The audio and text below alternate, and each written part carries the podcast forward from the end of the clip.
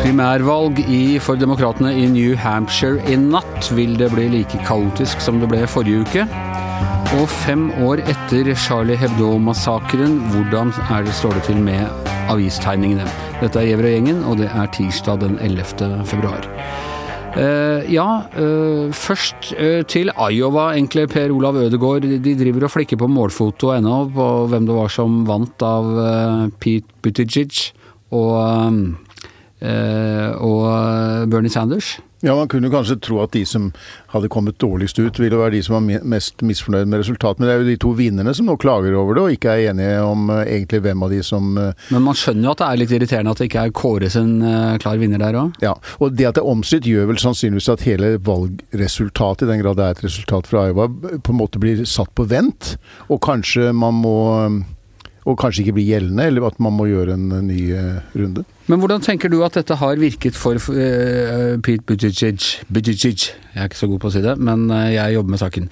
Uh, er, altså, for jeg, jeg, jeg skrev forrige uke at han var den store taperen fordi han, da mista et type momentum. Men kan, kan det være at jeg tok feil, og at dette egentlig har bidratt til å liksom, holde en interesse rundt hans kandidatur inn mot valget i New Hampshire, som han ellers kanskje ikke ville ha fått? Jeg tror, som du skrev den gangen, at den eneste vinneren i Iowa var egentlig var egentlig Donald Trump. Som vinner hele tida. Ja, så, men bortsett fra det, så, så, så er det klart at eh, det at han nå har fått flest delegater, i hvert fall sånn som opptellingen har vært til nå, fra Iowa, det fikk jo Pete Butt, uh, Buttigieg.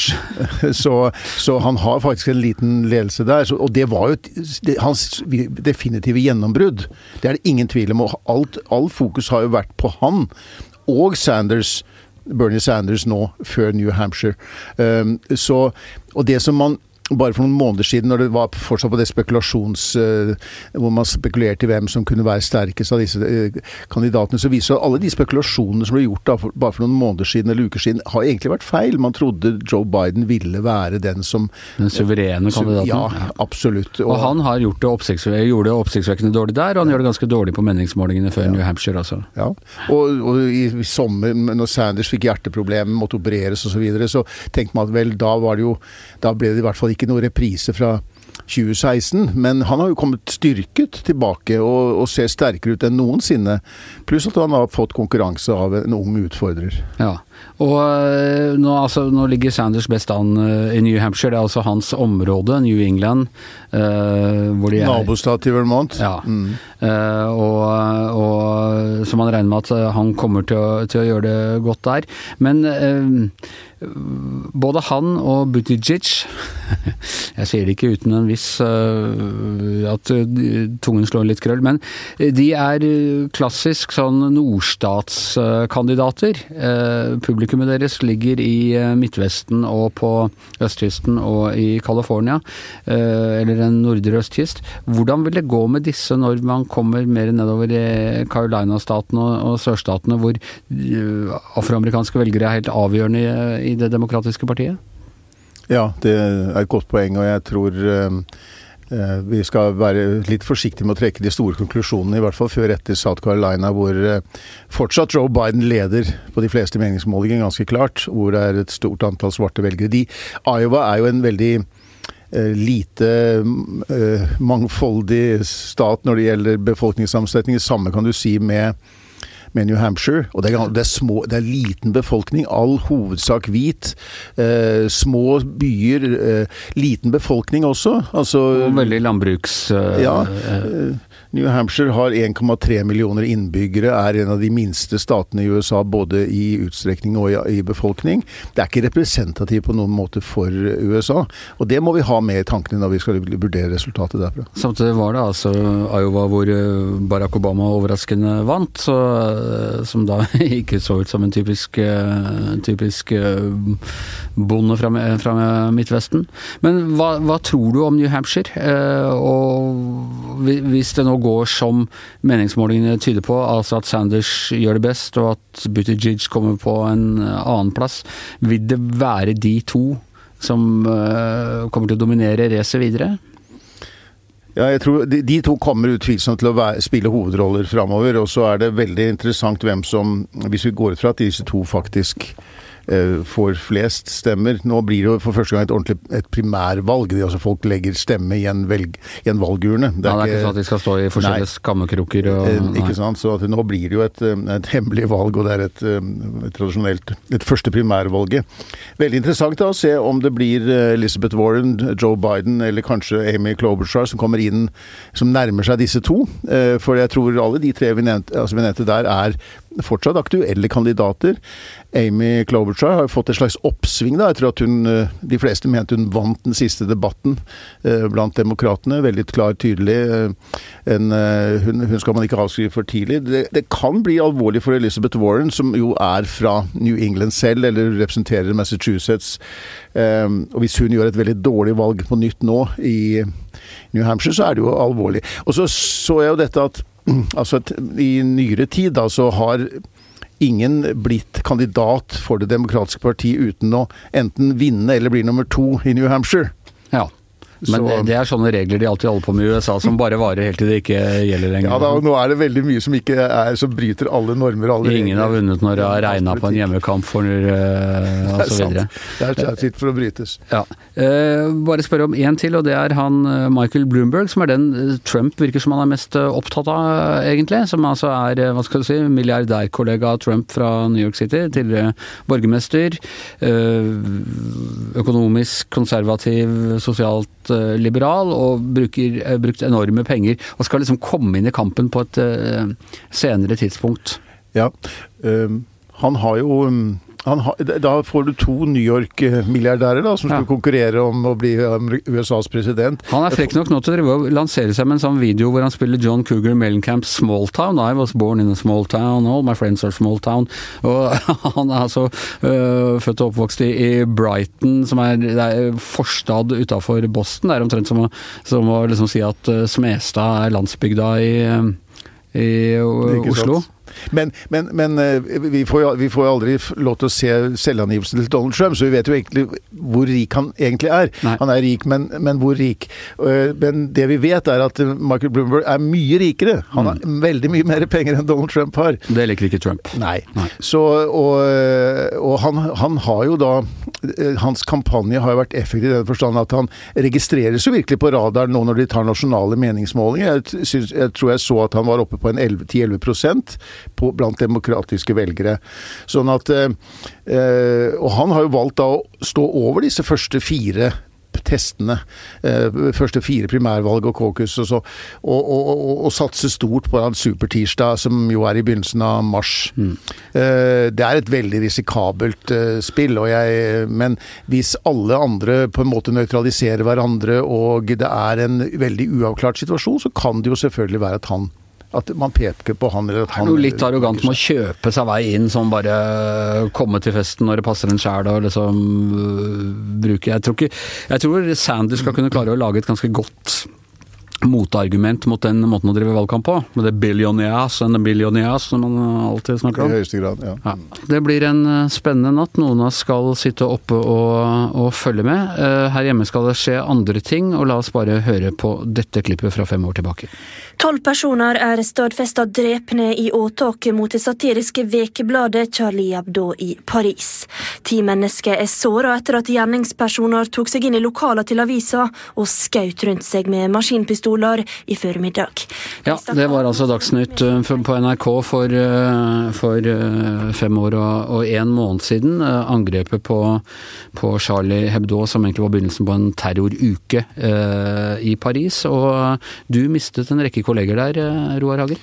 Ja, og en kjente jeg jo ganske godt. Tegneren Tinjos. Veldig hyggelig eh, fransk familiemann som jeg møtte på internasjonale festivaler. En veldig fin fyr. Ja. Og vi hadde jo da visst i mange år etter uh, Muhammed-karikaturen uh, i Jyllandsposten uh, faren som var forbundet med å krenke profeten Muhammed gjennom tegning, og at, at Eh, dere som var avistegnere nå også var liksom trukket inn i dette trusselbildet. Men uh, dette var altså første gang noen da faktisk ble drept. Så hvordan opplevde du det rent personlig da du hørte om det? Nei, det var jo en eh, sjokkerende hendelse som selvfølgelig berørte kjernen i det vi driver med. Eh, erkjennelsen av at det du holder på med, er, kan innebære eh, personlig livsfare for deg og dine kollegaer. Og en bekreftelse på at ytringsfriheten kan ha en grusom pris. Hvordan tror du det har påvirket dere som tegner? Er dere blitt mer forsiktige, eller har dere prøvd å pushe grensene mer? Er det sånn at man uh, var litt mette og fornøyde, og ikke helt liksom, så hvilket uh, kraft som, uh, som lå i, i, karikaturen, og nå er blitt det mer bevisst? Ja, altså Før karikaturstriden, som skjedde en del år tidligere, da, så var det vel ingen klar bevissthet om at at eh, profeten innebar en spesiell eh, tematikk sånn på den måten. Det var en sånn litt kuriositet at man eh, Det, er, som, det er jo litt sånn med vår kristne gud også, at han sjelden fremstilles på film. Vi bare ser en sånn hånd, og hvis dere som er tegnere skulle tegne Gud, så tegnet dere en sånn hånd som kom ned fra skyene og sånn. Så det var et slags tabu knytta til det. Ja, ja da. Skjønt, jeg husker jo profeten The Messenger med, med Anthony Quinn som profetens onkel ja. mange år tilbake. Ja. Og der ble vel aldri profeten selv eh, Du ser ham ikke, er det ikke noe sånn subjektivt kamera? Han er en skygge, en vind eller en, eh, et kameraøye. Ja. Som alle Så det var en slags bevissthet rundt dem, bare at man ante altså Det var ikke den type konsekvenser? Ja, den filmen var godkjent av muslimske geistlige i Kairo. Og, og, var veldig sånn kvalitetssikret, da. Så de fleste var jo aldri i nærheten av å tegne Muhammed-karikaturer som sådan, men danskene ble utfordret dette, og gjorde det. Og vi fikk det, da dette avklart, at det er en av tabuene i, i det som tidligere var en, en, en fjern, litt eksotisk religion som, som, har tatt sin plass i, i, Vesten og Europa. Og du får også dette med internett og sammenblanding av mediale flater, som gjør at det finnes ingen lokal presse lenger, egentlig.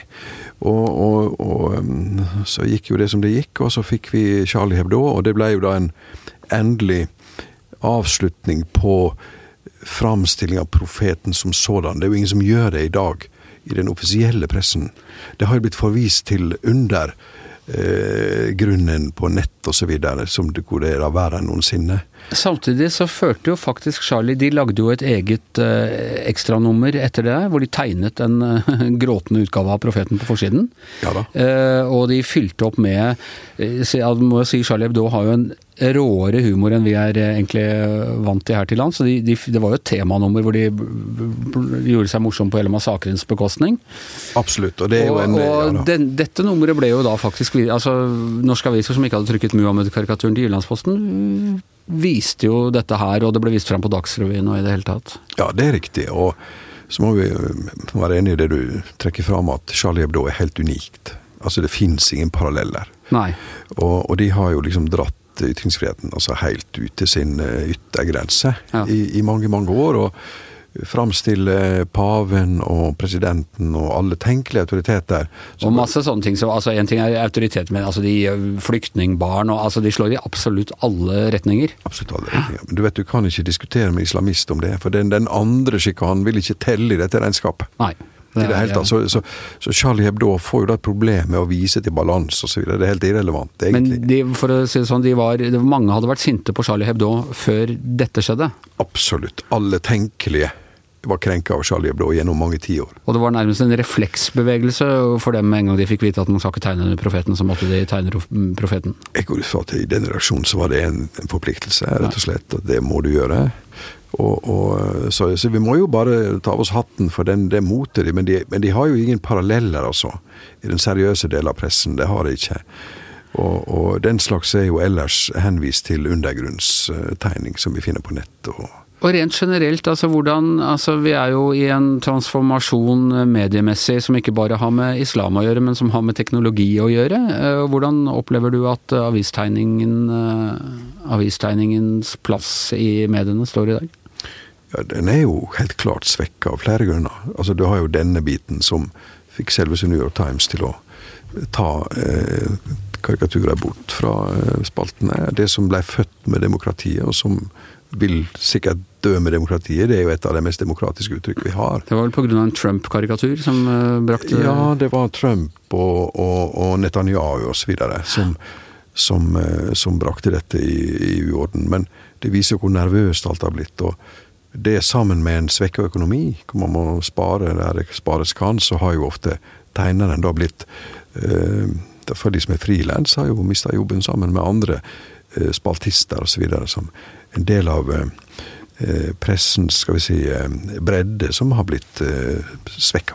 Ja, og mange papiraviser har rett og slett gått under, hvor, som var det faste galleriet for karikaturtegnere. De, de har gått under. og Karikaturen i dag den lever jo i en del eh, fyrtårn i, i, pressen, men ellers så lever de jo veldig frodig på nettet. da. Ja, det ble det mye delt. Mye, ja, og på Facebook og i det hele tatt. På Facebook, ja. Når jeg går gjennom feeden min, så er det liksom eh, hver dag en ti-tolv nye karikaturtegninger. Så det er jo et liv der òg. Det er det, men selvfølgelig for jeg, vet, hvis du skal leve, skal ha et levebrød og sånn, så har det jo blitt mindre prominent enn det var da jeg begynte. Ja.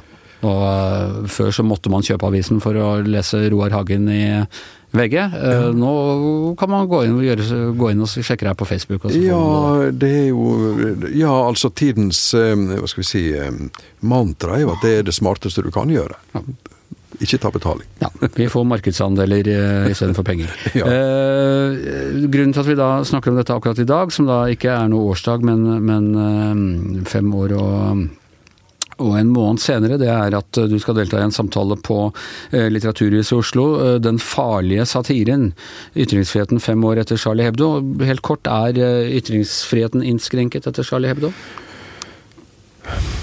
Det er to måter å forholde seg til virkeligheten på. Det ene er å snu seg en annen vei og ikke berøre de vanskelige temaene. Det andre er å forsøke å utfordre de vanskelige temaene og delta i forsøke å være relevant.